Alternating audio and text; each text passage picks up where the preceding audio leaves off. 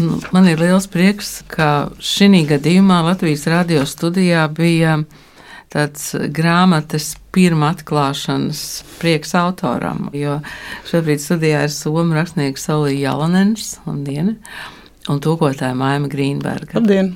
Maima tā ir, ka autors tagad pirmo reizi redzēja grāmatu. Nu, tā dažādu sakritību dēļ ir sanācis, jā, ka viņš eh, turēja rokās pašlaik pirmo reizi. Pirms mēs eh, sākam par tekstu, man ir jautājums par to, kā tapa tā grāmatas vizualitāte. Tev noteikti ir kāds stāsts, jo man brīdināja, ka tur burti biršot ārā, ka var vaļā vai ne, un faktiski tur ir gleznas.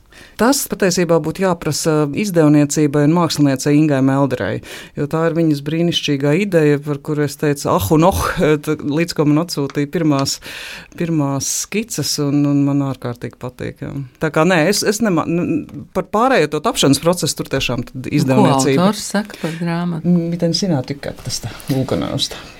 No, tämä on ensimmäinen kerta tämän kirjan kanssa, kun se on tehty näin visuaalisesti. Pirmo reizi e, šīs grāmatas tulkojums ir izdots tik ļoti vizuāls. Ja vaikuttaa todella hienolta. Nu, tiešām izskatās brīnišķīgi.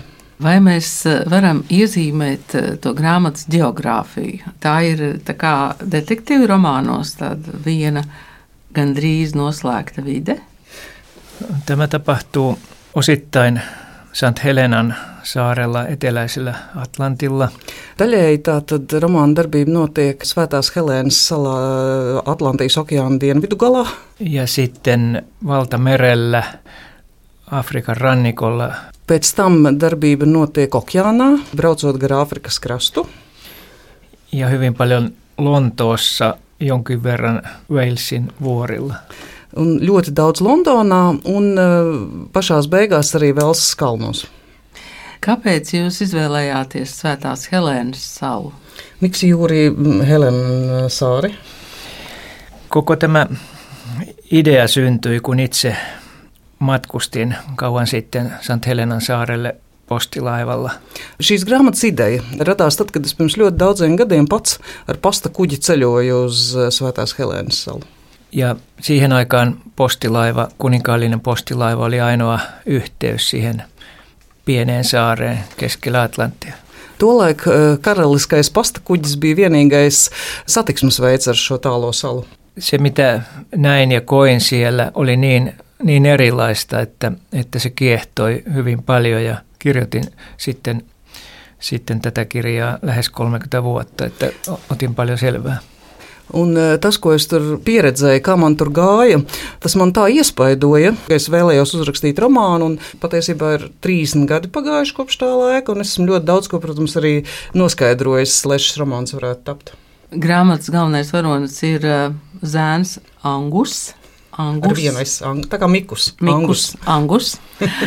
Angus. Cik viņam ir gadu sākumā?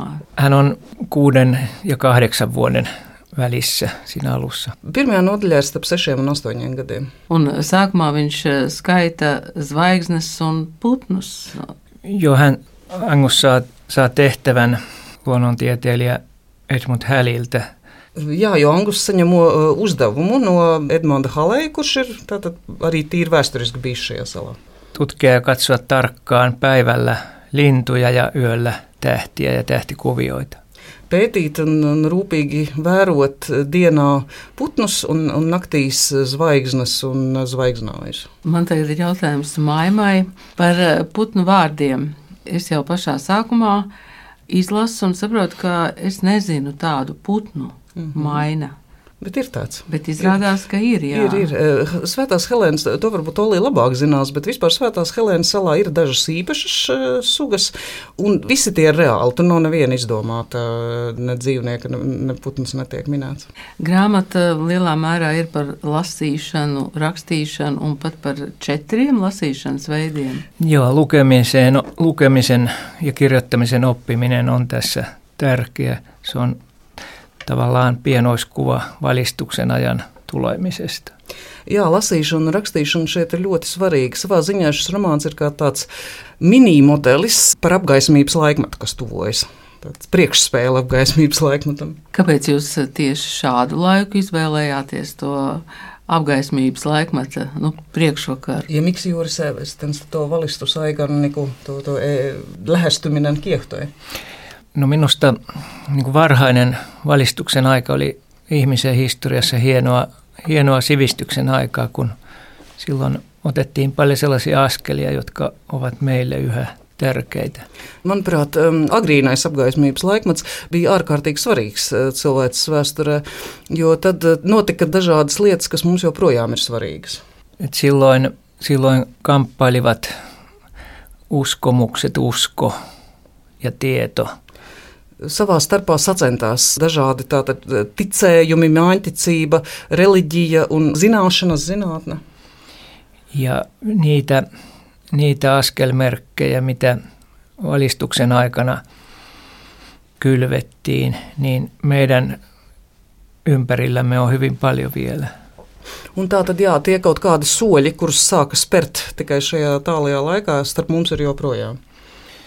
Ja edelleen meidän ajassa on tämä kaksi jako, kahtia jako, jossa uskomukset ja luulotellut niin sanotut todet ovat, ovat helposti voittamassa sitten tosiasioita. Un joprojām arī mūsu laikos ir tātad šī dalījums uz divi, kur mājiņticība un iedomas viegli spēj uzvarēt faktus un patiesību. Jā, Angus sākumā pat nemāca lasīt un nemāca rakstīt. Viņš lēnām to mācās. Tad viņš dzīvo no tās mutvārdos ceļojošās arī mājiņticības, arī zināšanām. Kā viņš dzīvo? Viņš dzīvo tajā, es nezinu, dabas un cilvēku it kā tajā dabiskajā pasaulē. No Sant Helena oli varmasti sellaista niin periferian periferiaa, hyvin syrjäinen kulma.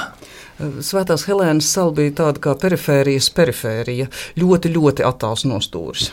Mutta siellä kuitenkin, siellä kuitenkin oli, oli englantilainen, englantilainen asutus vain muutamia vuosikymmeniä oli ollut yleensä pysyvää asutusta.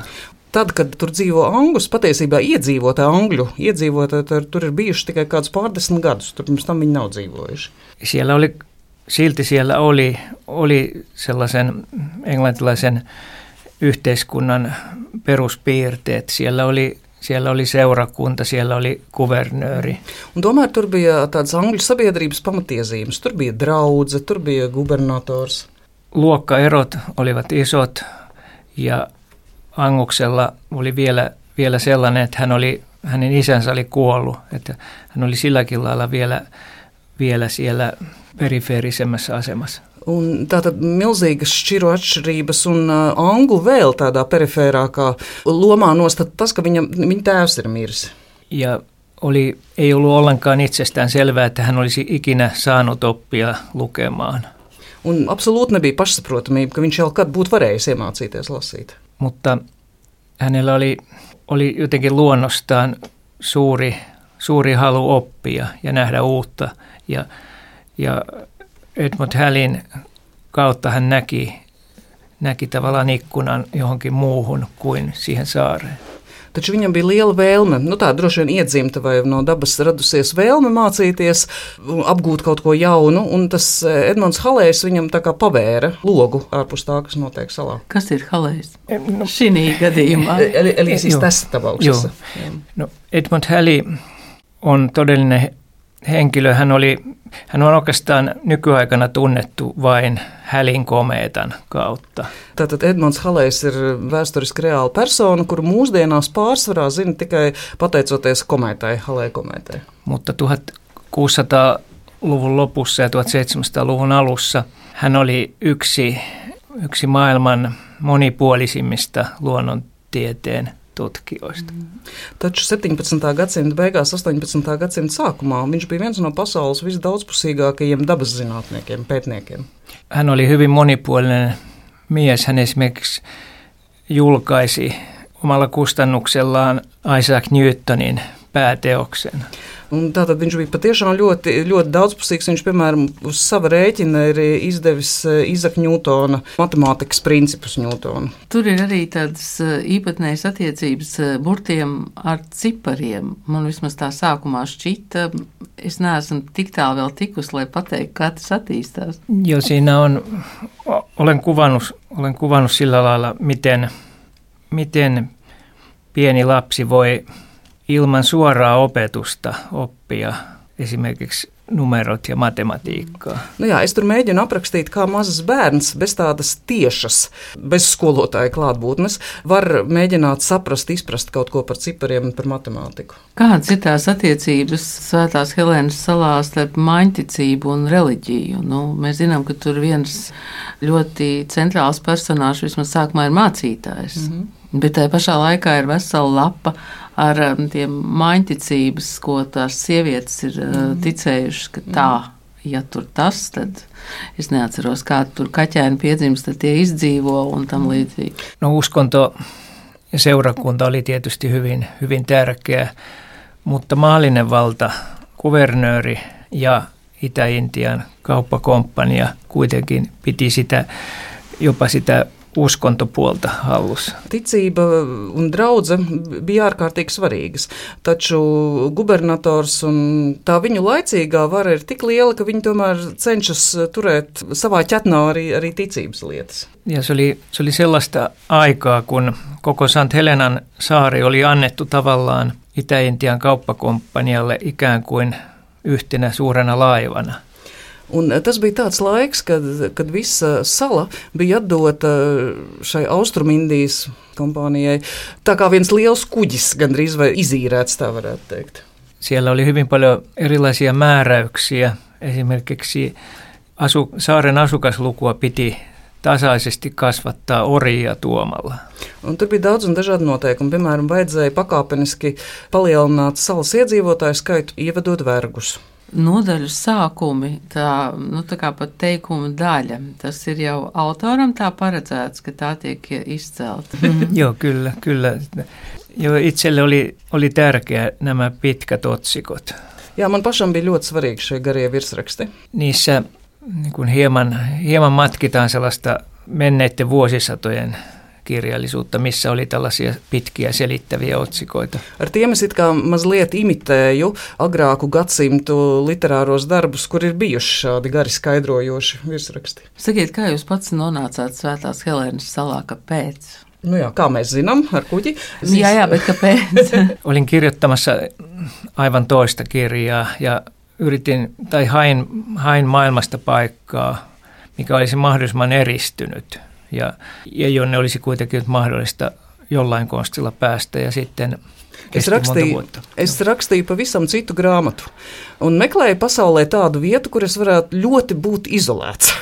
Mutta jo sillä laivamatkalla törmäsin Edmund Hallin nimeen ensin ja tajusin, että hän oli ollut siellä noin 20-vuotiaana puolitoista vuotta ja tutkinut, kartoittanut koko eteläisen taiva, tähtitaivaan. Taču jau, jau tajā braucienā kuģī es iznācu saskarties ar Edmundu Halēvārdu. Es uzzināju, ka viņš ir bijis 20 gadu vecumā Svētās Helēnas salā pusotru gadu kartējis, tātad veidojis zvaigžņu kartes. Olin suuri elämys olla siellä saarella ja aloin siellä jo kerätä tähän aivan toiseen kirjoitusprojektiin sitten aineistoa, että löysin jopa Edmund Hallin observatorion rauniot sieltä 1600-luvun lopulta. Man tas viss sāk ārkārtīgi interesēt, un, un es sāku tātad, lai gan es it kā tātad rakstīju to citu grāmatu, es tomēr sāku jau šai grāmatai meklēt dažādas materiālus. Es, piemēram, aizgāju līdz tām observatorijas drupām, Halēja observatorijas drupām. Jā, un tā radās šī grāmata. Debesu lode, vai tas nosaukums ir kaut kāda atsauce uz priekšstatiem par pasauli? Se on oikeasti, se on suomeksi ihan, ihan myös, myös tähtitieteellinen nimitys siitä, siitä kaarevasta maailmasta, mikä näkyy. Jā, tad um, Oli atbildēja, ka tas ir somiski arī pilnīgi oficiāls apzīmējums tam, ko mēs redzam. Un es varu piebilst, ka es savukārt, kā arī es neizdomāju šo nosaukumu, ir brīnišķīgs pētījums par to, kāda ir bijušā, nu, pēc tiem drukātajiem avotiem, kas, kas ir viņa rīcībā bijuši, kā ir sauktas latviešu valodā vis visādi astronomijas termini. Tā kā lasīju to, no turienes ņēmu, neko neizdomāju. Man ir jautājums Maimai tagad par tulkošanu, kurās jomās nācās iedziļināties. Es saprotu, ka astronomijā, es saprotu, ka putnu dzīvē mazliet, jā. Nē, nu pārbaudīt, protams, vajadzēja. Pārbaudīt, protams, vajadzēja gan putnus, jo vienam putnam es nepaņēmu to oficiālo nosaukumu, kas ir uh, latviski. Es iztulkoju no somu valodas, un savukārt Olība bija iztulkojusi no angļu valodas. Līdz ar to, jo viņam vienkārši ir tik, tik, ra, tik rakstīts. Tas ar tām garajām kājām. Es vairs neatceros, kā es viņu tur nosaucu. Tas nav oficiāls nosaukums, tas ir aprakstošs. Skatījos ļoti, var sameklēt, ir, ir Halēja žurnāls, ir, ir tāda halēja biedrība, kas publicē viņa žurnālu internetā, ko var palasīties. Un diezgan daudz ir. Arī bildes var atrast gan ar Google mapu, gan visur citur var atrast fotogrāfijas, kā tas izskatās. Viss. Nebija sajūta, ka vajadzētu aizbraukt uz Svētās Helēnas salu. Tā kā šī ir eh, jau otrā grāmata, kuras sastopos ar eh, Svētās Helēnas salu, no nu iepriekšējā bija Olija grāmata. Arī Četri, 14 mazga līdz Griničai. Tur arī diezgan liela daļa notiek eh, Svētās Helēnas salā. Ko jūs tagad rakstāt? No kysymys, että mitä nyt kirjoitat? Olen hyvin taikauskoinen ja en kerro edes, edes perheessä koskaan mitä kirjoitat? Es esmu ļoti mainticīgs, un es pat ģimenei nekad nestāstu, ko es rakstu. Un gal galā nevar zināt, varbūt, ka jūs sākat vienu grāmatu, bet eh, kā iznāk ar šo, sākat rakstīt citu, arī ja tā mēdz būt. Saa, onhan mahdollista, että, että sä kirjoitat tätä, mutta sitten tulee jälleen joku, joku Helenan saari välissä ja, ja tulee joku toinen kirja. Se, se on, voi hyvin olla todennäköistä, että, että päässä on kuitenkin aina eri eri vaihtoehtoisia maailmoja, mistä voisi kirjoittaa. Jā, tā ļoti var gadīties, jo galvā vienmēr ir paralēli daudz alternatīvu pasauļu, par kurām varētu rakstīt. Es nezinu, kāpēc man tā sajūta pēc noskaņas, man ir kaut kāda līdzīga sajūta, kā skatoties filmu Dievzeme. Olen huomannut, että olen kanssa ollut Islannissa Irlannissa ja tällaisilla saarimailla, jotka on vähän syrjässä tai hyvinkin syrjässä välillä, niin – niissä on, on kuitenkin samaa. Jā, man ir nācies būt gan Islandē, gan arī Īrijā, un, nu, un arī tātad uh, Helēnas salā. Un es esmu pamanījis, ka šādām salām, jo sevišķi, ja tās ir uh, stipri perifērijā, tur ir kaut kas kopīgs viņām, kaut kas tās vieno. Maima, es uh, lasīju tavā Facebook kontā par to, ka tu, jā, jā, tu gribētu tulkot vēl kādu Olija Jalanina grāmatu. Tā ir. Jā, Gribētu gan, jo man, man ārkārtīgi patīk eh, valoda, kādā Olija raksta, kas tūkotājiem uzreiz uzliek tādas ļoti daudz galvas sāpju rada, bet tas ir patīkams galvas sāpes. Un otrkārt, man patīk, kā viņš tos savus tēlus raksturo, būvē. Es tā kā saprotu to, kas notiek viņa, viņa tēlos. Vai tulkošanas laikā jūs daudz sazinājāties? Jau sähköposti yhteydessä kyllä. Jā, mums, mums, mēs sarakstījāmies ar ēpastiem, bet jā, Oli ir ļoti precīzs rakstnieks. Viņš ārkārtīgi daudzas reizes labo pāraksta, līdz ar to viņam nav to muļķīgo kļūdu, ka trīs reizes noņem cepuri no galvas un neatliek atmiņā. Tā kā pārsvarā tie jautājumi bija, kur es līdz galam neusticējos sev, vai es esmu pareizi sapratusi. Paldies jums šodien par sarunu, paldies par grāmatu. Es turpināšu lasīt, tāpēc man bija tāda sajūta, ka to nedrīkst tā raut cauri, ka vajag ļaut ieriet tajā tekstā. Jā. Eli kiitos, kiitos. keskustelusta ja mä jatkan kirjan lukemista, koska oli tunne, että täytyy noin rauhallisesti lukea. Että se ei ole tämmöinen, että istut ja jotain. Jā, valoda māja ir izdevusi Olija Jalonen grāmatu devis lode, tulkotāja Maima Grīnberga un autors bija šeit studijā. Paldies jums! Paldies! Kristus!